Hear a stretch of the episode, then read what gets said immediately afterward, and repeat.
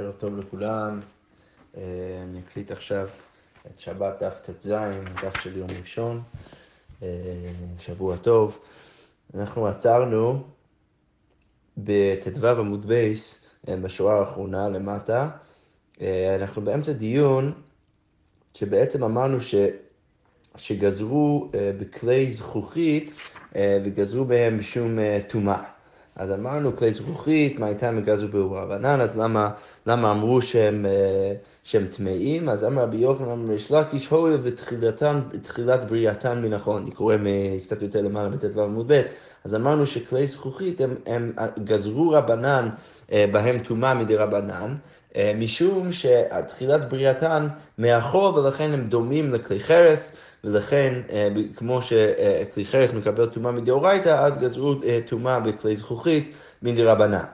ואז הקשינו, אז אם אתה רוצה להגיד ככה, שזה כמו כלי חרס, אז למה יש טהרה במקווה? כי בכלי חרס אין טהרה במקווה, ודרך זה תרצנו את הקושייה הזאת.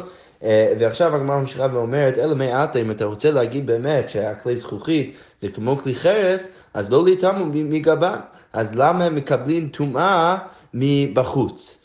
אה, ונסביר עוד שנייה. אז הגמרא אומרת, אז אם, אם באמת אתה רוצה להגיד שהכלי זכוכית הם כמו כלי חרס, אז למה זה מקבל טומאה מבחוץ? אז למה תנן? אז רע, אז לא להתאמו מגמרן, אז הם לא אמורים לקבל טומאה מבחוץ. אז למה תנן? אז למה כתוב כלי חרס וכלי נטר, שזה סוג של מה שכותב מין אדמה לבנה, אז טומאתן שווה. אז הדרך שהם מקבלים אה, טומאה וגם מטמאים דברים אחרים זה שווה. אוקיי, אז איך זה הולך? אז מטמאין ומטמאין מאוויריהן, שמקבלים טומאה ברגע שאתה מכניס אב הטומאה, נגיד שרץ, אתה מכניס אפילו לאוויר הכלי, אפילו אם זה לא נוגע בכלי, אז הכלי כבר מטמא ומקבל טומאה, וזה גם מטמא, עכשיו שהכלי טמא, אם אתה מכניס משהו לתוך הכלי, אפילו אם זה לא נוגע, ברגע שזה בתוך אוויר הכלי, אז, אז זה מטמא משהו אחר. ומטמאין מאחוריהן, וזה גם מקבל טומאה מאחוריהן, מהבחוץ, ואין מטמאין מגביהן, אבל זה לא מקבל טומאה, רש"י כותב מה זה גביהן, אז רש"י כותב, איפה הוא כותב את זה? אה, סליחה. מאחוריהן זה ה... אה, סליחה, מגביהן זה, זה מבחוץ, מה זה מאחוריהן? אז רש"י כותב, אם נכנס טומאה לתוך אחוריהן מבחוץ, במקום חקק בית מושבם כדרך שעושים לכלי עץ. אז לכאורה אני הבנתי שיש בעצם איזה, איזה מקום בתחתית הכלי מבחוץ, שהם חוקקים קצת כדי שאתה תוכל להושיב את זה על איזה משהו ש, שנכנס לשם כדי שזה יישב, יישב טוב. אז, אז זה מאחוריהן. אז הכלי חרס והכלי נטר, אז הם אה, מטמאין, מטמאין ומטמאין מאוויריהן, ומטמאין מאחוריהן, הם מקבלים טומאה במקום החקק הזה, ואין מטמאין, אבל הם לא מקבלים טומאה מגביהן, ושבירתן מטהרתן. ואם אתה שובר את זה, אז אתה דרך זה מטהר את הכלי. אז כלי נטר, הגמרא אומרת, וכלי חרס הוא טומאתן שווה, אז הם, הם יש להם אותה סוג טומאה, אבל מידי אחרינה לא, אבל דבר אחר לא שווה לזה. אז לכאורה אפשר להגיד, לדייג מזה שכלי חרס מקבל טומאה מגביהם מבחוץ. אז הגמרא אומרת, אמרי כיוון דיכי נשתברו, יש להם תקנה, בגלל ש... בעצם אנחנו אומרים עכשיו שכלי זכוכית זה לא ממש ככלי חרס, למה? זה מצד אחד זה דומה לכלי חרס כי אתה, אתה אה, מכין את זה מהחול, ולכן זה דומה לכלי חרס, אבל מצד שני זה יותר דומה למתכת, כי ברגע שאתה שובר את הכלי, אתה יכול להטיח את זה, אתה יכול אה, אה, לחמם את זה שוב ולהכין שוב איזשהו כלי מהדבר הזה אה, מחדש. ולכן הגמרא אומרת, אמרי כיוון דכי נשתברו, יש להם תקנה בגלל שאם אתה שובר את הכלי, אז אתה, זה, אתה יכול שוב לתקן את זה, שווינו ככלי מתכו. ולכן מצד, אה, מצד אחר זה דומה לכלי מתכו, ולכן כמו שכלי מתכו מקבל טומאה מבחוץ, אז גם הכלי זכוכית מקבל טומאה מבחוץ. אבל הגמרא אומרת, אלא מעטה, אם אתה רוצה להגיד שזה כמו כלי מתכת, אז יחזרו לטומאתן ישנה, ככלי מתכות. אז אם אתה רוצה להגיד ככה, אז אתה צריך להגיד שברגע שאתה שובר את זה, אז אם אתה בונה את זה מחדש, אז כמו שבכלי מתכות שאנחנו נראה עוד שנייה, שאם אתה מכין את הכלי מחדש, אז זה שוב אה, מקבל את הטומאה שהיה לפני כן, אז גם כן צריך להגיד אותו דבר בכלי זכוכית, אז אם אתה כבר מדמה את זה לכלי מתכות, אתה תדמה את זה גם בזה. אז הגמרא אומרת, דתנן, כלי מתכות פשוטיהן, אז כלי פשוט שהוא לא, כמו קערה, אלא כמו, יותר כמו צלחת, ומקבליהן, כלי שהוא כמו קערה, אז טמאין, אז הם טמאין, הם יכולים לקבל טומאה. אוקיי, סליחה. טמאים, אם הם טמאים, אז נשברו, טהרו. אז אם ברגע שזה נשבר, אז זה כבר טהור. כי זה כבר לא נחשב ככלי ולכן זה כבר לא טמא. אבל חזר ועשה מהם כלים, אם חזרת והכנת מהדברים האלו, מהשברים, הכנת מהם כלים חדשים, אז חזרו לטומאתם ישנה, אז זה חוזר להיות טמא אה, מלפני כן. אבל הגמרא אומרת, ואילו גבי כלי זכוכית, נען, אבל לגבי כלי זכוכית, אז כתוב במשנה, כלי עץ, וכלי אור, וכלי עצם, וכלי זכוכית, פשוטיהם טהורין, אז אם זה פשוט כמו צלחת, אז זה כבר לא מקבל טומאה בכלל, זה טהור, הוא מקבל אין טמאין, אבל אם זה כמו קערה, זה כן יכול לקבל טומאה. נשברו, אם זה נשבר, אז טהרו, אז זה כבר הופך להיות טהור, חזר ועשה מהן כלים, אם הפכת את זה להיות כלי מחדש, אז מקבלים טומאה. אה, מקבלים טומאה מכאן ולהבא, זה יכול לקבל עכשיו טומאה מכאן ולהבא. אז הגמרא אומרת, מכאן ולהבא אין מפריע לו, שרק מכאן ולהבא יכול לקבל טומאה, אבל זה לא חוזר לטומאתה הראשונה. אז הגמרא אומרת, ולכן זה קצת קשה, כי ברגע שאתה רוצה לדמות את זה לכלי מתכת, אז שתדמה את זה לכלי מתכת במאה אחוז, תגיד שברגע שאתה אכלת את זה שוב, אז יכול שוב לקבל טומאה, אה, אה, את הטומאה שהיה לפני כן. אבל הגמרא אומרת, דרבנן, אה, סליחה. איפה אני? זה לו. אז הגמרא אומרת, טומאת כלי זכוכית דרבנן. אז הטומאה של כלי זכוכית זה בכלל מדרבנן, נכון? וזה כל החידוש שלנו, שאנחנו בעצם חידשנו מדרבנן שיש כלי, יש טומאה בכלי זכוכית. אז הגמרא אומרת, וגם טומאה ישנה דרבנן, זה שזה חוזר לטומאתה הראשונה, אז זה גם רק מדרבנן. אז הגמרא אומרת, בטומאה דאורייתא הכי טובה רבנן טומאה הכי דבר רבן הטומאה. אז אם בכלי שמקבל טומאה מדאורייתא, אז אמרנו שזה יכול גם לקבל טומאה מדי רבנן אם אתה מכין את זה מחדש. אבל בטומאה מדי רבנן, כמו כלי זכוכית, אז לא אחידו לרבן הטומאה. ולכן אנחנו לא נעשה אה, דרבנן דרבנן, נכון? ברגע שיש לנו כלי זכוכית שהוא רק מקבל טומאה מדי רבנן, אז אנחנו לא נגיד שברגע שאתה אה, שברת את זה והכנת את זה מחדש, שזה יקבל טומאה שוב. אה, אה, שהטומאה הזאת היא רק מדרבנן, ולכן אה, רק עשינו את זה בכלי מתכות, אמרנו שאם אתה מכין את זה שוב, זה מקבל טומאה מדרבנן, אבל עם כלי זכוכית, שבכללי לא מקבל טומאה מדרבנן, אז לא נגיד שאם אתה מכין את זה מחדש, אז זה יחזור לטומאתה הראשונה. אוקיי. דרך זה פתרנו את הבעיה. אבל הגמרא אומרת, פשוטיהן מי עליתם? אבל אם אתה רוצה להגיד בכל מקרה שזה כמו כלי מתכת, אז לפחות תגיד שהכלי הפשוט, הצלחת, הזכוכית, תקבל טומאה מדי רבנן. כי ברגע שאתה מדמה את זה לזה, אז כמו, כמו שכלי מתכת, אה, גם הצלחת וגם הקערה מקבלות טומאה אה, מדאורייתא, ואתה מדמה כלי זכוכית, אמנם רק מדרבנן, אבל בכל מקרה אתה מדמה את זה לכלי מתכת, אז שתגיד שבכלי זכוכית גם צלחת וגם קערה תקבל טומאה, לפחות מדרבנן. אז הגמרא אומרת, אה, אז רע, אז הגמרא אומרת, פשוטיהן מי אליתם דהה פשוט כלי מתכות דאורייתא נינו, כי הצלחת של כלי מתכות, אז זה מקבל טומאה מדאורייתא, ולכן הכלי זכוכית אמ, צריך לקבל טומאה מדי רבנן. אבל הגמרא אומרת, עבדי בהו רבנן הקרה כי היכי דלא לשרוף עליי תרומה וקודשים. לא, הגמרא אומרת, בזכוכית, בגלל שהכל רק מדי רבנן, אז יש רק מקרים מאוד מאוד מסוימים שבהם אנחנו אה, אה, שורפים את התשומה אם זה נוגע בכלי זכוכית. הנה רש"י כותב שרק בשישה ספקות שאמרנו בט"ו עמוד ב' אתמול בדף, אז רק בספקות האלו אנחנו באמת אומרים שצריך לשרוף את התשומה. אבל בדרך כלל, ברגע שדבר נוגע בכלי זכוכית, אפילו אם זה טמא רק מדי רבנן, לא צריך לשרוף את התשומה.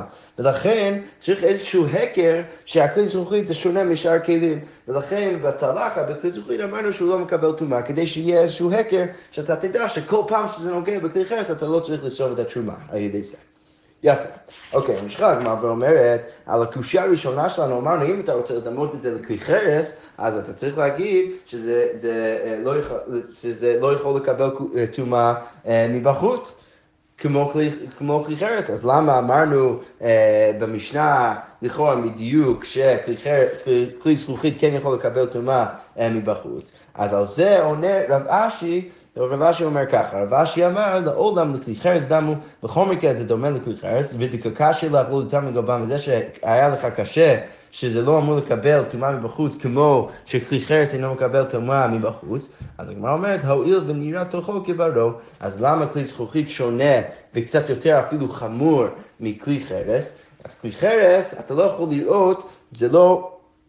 אה, שכחתי את המילה בעברית, אבל אתה לא יכול לראות מבפנים בחוץ, כמו, כמו בזכוכית, ולכן בכלי חרס ברגע שמשהו נוגע מבחוץ אז זה לא מטמא את הכלי, אבל ברגע שתוכו כברו, אתה יכול להסתכל מבפנים ולראות מה, ש, מה שנמצא בצד השני מבחוץ, אז בכלי זכוכית זה כן מקבל טומאה, ולכן זה הגיוני להגיד שזה כמו כלי חרס, זה פשוט יש איזשהו חומר אצל זכוכית, בגלל שאתה יכול לראות מבפנים מה שנמצא בחוץ, אז כבר כן גם מקבל טומאה מבחוץ.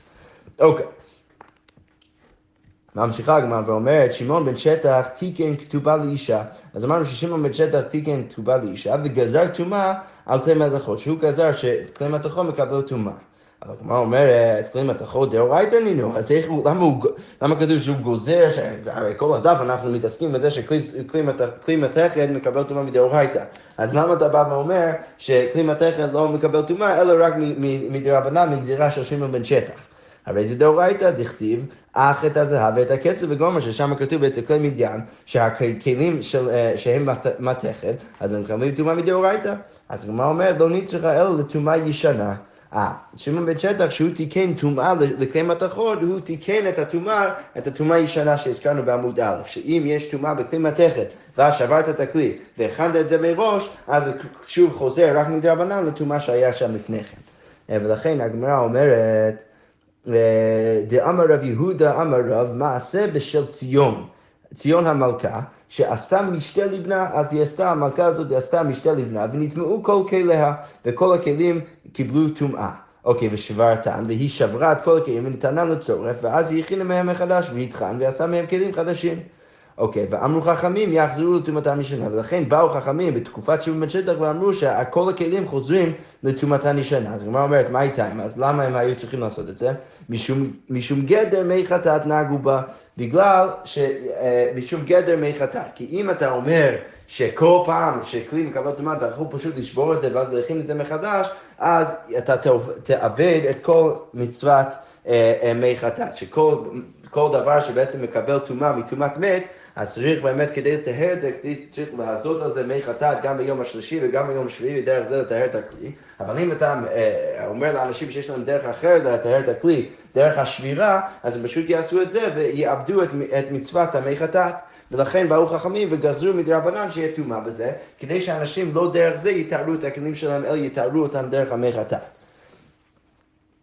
אוקיי, אבל הגמרא אומרת, יש בעצם מחלוקת מתי אה, חכמים גזרו את, אה, את, את הטומאה הישנה הזאת. אז המחלוקת היא ככה, יש, יש שאמרו שהמח, שהם גזרו טומאה ישנה רק במקרה שכלי קיבל אה, טומאת מת, ולכן, כמו שהגמרא תגיד עוד שנייה, זה באמת יהיה הגיוני שהם גזרו, שזאת הסיבה שהם גזרו ככה. כי אם אתה רוצה להגיד שהסיבה שהם גזרו ככה זה בגלל עיבוד המי חטאת, אז הגיוני שהם יגזרו ככה רק במקרה שהכלי קיבל טומאת מת. שאם אם אנחנו נתיר לך אה, לעשות את, תהליך הטהרה דרך השבירה, אז אנחנו נאבד את מצוות המי חטאת שהיינו עושים אם לא היינו יכולים לעשות את, את הדבר הזה עם השבירה. אבל אם אתה רוצה להגיד שהחכמים גזרו בכל כלי שקיבל טומאה, גם בכלי שלא קיבל טומאת מת, אלא טומאת שרץ, אז זה לא כל כך הגיוני ש- ש- להגיד שהם עשו את זה רק בגלל מי חטאת, כי לטהר כלי שקיבל טומאה מטומאת שרץ, זה לא שייך לגבי המי חטאת. ולכן הגמרא אומרת ככה, הניחא למאן דאמר אה, למאן דאמר לא לכל הטומאות אמרו אלא לטומאת מת בלבד אמרו שפר, אז זה הגיוני. כי ברגע, ש... כי באמת הכלי היחיד שאתה היית, היית מטהר אותו דרך המי חטאת זה כלי שקיבל טומאת מת ולכן אם גזרו רק בכלים האלו אז הגיוני להגיד שהם גזרו את זה בגלל הבעיה של עיבוד מצוות מי חטאת. אבל אלא למאן דאמר לכל הטומאות אמרו, אבל אם אתה רוצה להגיד שהם גזרו על כל כלי שקיבל טומאה, אז לא שייך הסיבה של מי חטאת לכלי שקיבל טומאה מטומאת שרץ. אז הגמרא אומרת, אז מה יקרה למימר? אז עכשיו יש לנו המחלוקת אביי ורבא. אמר אביי, גזירה שמא לא יכוונו בכדי טהרתו. אז אביי בא ואומר, יש גזירה, בעצם מה צריך לעשות כדי לטהר את הכלי דרך השבירה? אתה צריך לעשות איזשהו חור, איזשהו נקב בתוך הכלי. והנקב הזה הוא בגודל של רימון, בגודל שאתה יכול להוציא דרך זה רימון, אז זה ממש חור אה, משמעותי, ולכן דרך זה אתה הופך את הכלי כבר לא להיות כלי, ולכן אתה מטהר את הכלי דרך זה. אז אביי בא ואומר, חכמים גזרו שיקבל טומאה מדי רבנן מחדש, כשאתה מכין את הכלי מחדש, גזירה שמא כשאתה תטהר את הכלי אתה לא תעשה נקב מספיק גדול. אז זאת סברת אביי. רבא אמר, גזירה שמא יאמרו טבילת בת יומה עולה לה. אז רבא יחשוב ש... אז רבא אמר, אה, גזירה שמא יאמרו טבילת בת יומה עולה לה. אז רבא אומר שבאמת, אה, אה, אז לא, זה לא גזירה שמא אתה תעשה את זה דרך ה... אתה לא, אתה לא תכין נקב מספיק גדול, אלא הוא כותב ככה, רש"י כותב ככה, בת יומה, בלא הערב שמש, שהרוע שנטמעו ומשתמשים בהן בו ביום, ואין יודע שנשברו סובר שהטבילו. אז בן אדם, מה יקרה? אז אנחנו נתיר את תהליך הטהרה דרך השביעה, אז מה תעשה? באותו יום אתה תשבור את הכלי, ודרך זה אתה תכין את הכלי שוב, ואתה תתאר את הכלי, ובאותו יום יהיה לך אותו כלי ואתה תשתמש בכלי. אז מה אנשים יחשבו? הם לא יראו שאתה שברת את הכלי, הם יחשבו שפשוט טבעת את זה. אבל מה באמת צריך לעשות? כלי שקיבל טומאה, אז אתה צריך, כמו שאמרנו לפני כמה דפים, מבן אדם שטובל, אז אם אתה מטביל את הכלי, אתה לא יכול באמת להשתמש בכלי עכשיו, אבל אתה צריך ערב שמש. אתה צריך ש... לחכות עד שקיעת החמה כדי שהכלי באמת יהיה טהור. אבל מה אנשים יגידו? הם יגידו, הם, הם יראו אותך משתמש באותו כלי שבבוקר היה טמא, אז הם יגידו, אה, בעצם מה צריך לעשות? זה פשוט לטבור את הכלי ואתה לא תצטרך דרך זה לחכות עד הערב. אבל לא, כי הם לא ידעו שאתה בעצם שברת את זה. אז בגלל זה, אז רבא אומר שגזרו, אה, גזרו שזה יחזור לטומאה מדרבנן, אה, אה, לטומאה שהייתה לפני כן רק מדרבנן. כדי שאתה לא דרך זה תתאר את הכלי, אלא אתה תתאר את זה דרך התפילה ודרך... ודרך הדרכים האחרים שאפשר לתאר את הכלי. בעצם כל מה שהגמרא אומרת עכשיו, יש כל מיני סיבות שחכמים לא רצו שאתה תשתמש בתהליך הטהרה של השבירה כדי לתאר את הכלים שלך. אוקיי, אבל הגמרא אומרת, אז מה נפקא מינה בין אביי ורב, אז מהי ביניו, הגמרא שואלת, אז איכא ביניו דרצפינו מרצף. אז יש פה ברש"י שתי פירושים, לדעתי הפירוש שלו, שזה גם הפירוש שהוא חושב שהוא יותר טוב, זה הפירוש השני, שהוא כותב ככה. אמ, שמא לא יכוונו איכה. אז אם אתה, אה, הוא, הוא מסביר שהמקרה זה ככה, אז הריקן ושברן כולן כמו מעקולת וצופה, זאת אומרת, ממש שבר אותם, ולא רק עשה חור, אלא ממש ממש שבר אותם. אז רש"י כותב, טוב, אני אקרא פשוט את כל הרש"י, ריקן ושברן אה, כולן כמו מעקולת וצופה. אז שמא לא יכוונו לקה, אז הסברה של אביי לא נמצא, כי אביי באמת אומר שברגע שאתה עושה חור, אז יכול להיות שאתה לא תעשה חור אה, כמו שצריך, אבל ברגע שאתה ממש שובר את זה ואתה שובר את כל כלי, אתה לא רק עושה נקב, אז כבר אין את החשש של אביי. אבל בשם היום הוא איכה, אבל החשש של רבא יש, כי בכל מקרה אתה תוכל אולי להשתמש בזה באותו יום, ולכן, אה, ולכן אנשים יגידו שבאמת אפשר לטבול את זה אה, בדרך זה פשוט אה, להשתמש בכלי, אז החשש של רבא עדיין קיים, ולכן אמרו שגזרו טומאה מדי רבנן. ואיגא דאמרי הגמרא אומרת, סליחה, איגא דאמרי רש"י אומר, יש עוד פירוש, שמא לא יכוונו איכה, שמא יאמרו, שם היום הוא לקה, דהמינקר עשייה שנתחדש כולו וזה נראה בעיני. אז רש"י חושב שהפירוש שלו השני הוא יותר, יותר טוב, אז בעצם צריך להגיד הפוך. החשש של הבעיה עדיין קיים, כי למרות ששברת את זה הפעם, בכל מקרה צריך לחשוב שבפעם הבאה שאתה תנסה לתאר את זה דרך השבירה, תעשה נקב שהוא לא מספיק טוב. ורבא, אה, אבל החשש של רבא לא קיים, כי ברגע שאתה ממש שברת את זה והכנת כלים ממש ממש חדשים, אז כולם יראו שאתה לא משתמש באותם כלים, ולכן דרך זה לא יבוא לחשש ולא יגידו שאפשר להשתמש בכלי שטבלת באותו יום בלי הערב שמש. אוקיי. Okay. ממשיכה הגמרא ואומרת, ואידך מהי? אז אמרנו שיש באמת י"ח דברים שנחלקו בהם בית שמאי ובית הלל בעלייה של חנניה ונמנו ההלכה כבית שמאי. אז אנחנו הזכרנו, לדעתי הזכרנו רק עשר. אז עכשיו הגמרא אומרת, אז מהי... אה, מה, מה שאר הדברים. אז עכשיו אנחנו נביא עוד מחלוקת אחת ביניהם. אז הגמרא אומרת דתנן, המניח כלים תחת הצינור לקבל בהן מי גשמים, אחד כלים גדולים ואחד כלים קטנים, אפילו כלי אבנים וכלי אדמה וכלי גללים, פוסלין את המקווה. אחד המניח ואחד השוכח, דברי בית שמאי. אז בא בית שמאי ואומר שכל בן אדם, צריך קצת רקע, הזכרנו קצת חלק מהרקע לפני כמה ימים, אבל נסביר את זה עכשיו אה, בהקשרו. בעצם המקווה הוא כשר אם זה מי גשמים. אז אם זה מים ש, שמגיע ישר למקווה אה, אה, מהגשם, אז המים האלו הם סבבה. אבל, או מים חיים, שזה עוד יותר טוב, שזה מים אה, ממעיין, מים אה, ממקור אה, טבעי. אבל אה, מה שפוסל את המקווה זה נקרא מים שאובים. מה זה מים שאובים? זה מים, יכול להיות שמגיע מהגשם, שנכנס לתוך איזשהו כלי, ודרך הכלי אתה מכניס את המים לתוך המקווה. אז המים השאובים פוסלים את המקווה. עכשיו השאלה שעולה פה זה בן אדם ששם, אה, מי, ששם איזשהו כלי מתחת לצינור בגשם, שה, שהוא יודע ש, שיש שם מים, אז השאלה אם כשהמים נכנס לכלי ואז משם נכנס למקווה, האם זה נחשב כמים שאובים או לא. ואם זה, והנפקא מינא זה האם, אם זה פוסל את המקווה. אז בא בית שמאי ואומר שכל...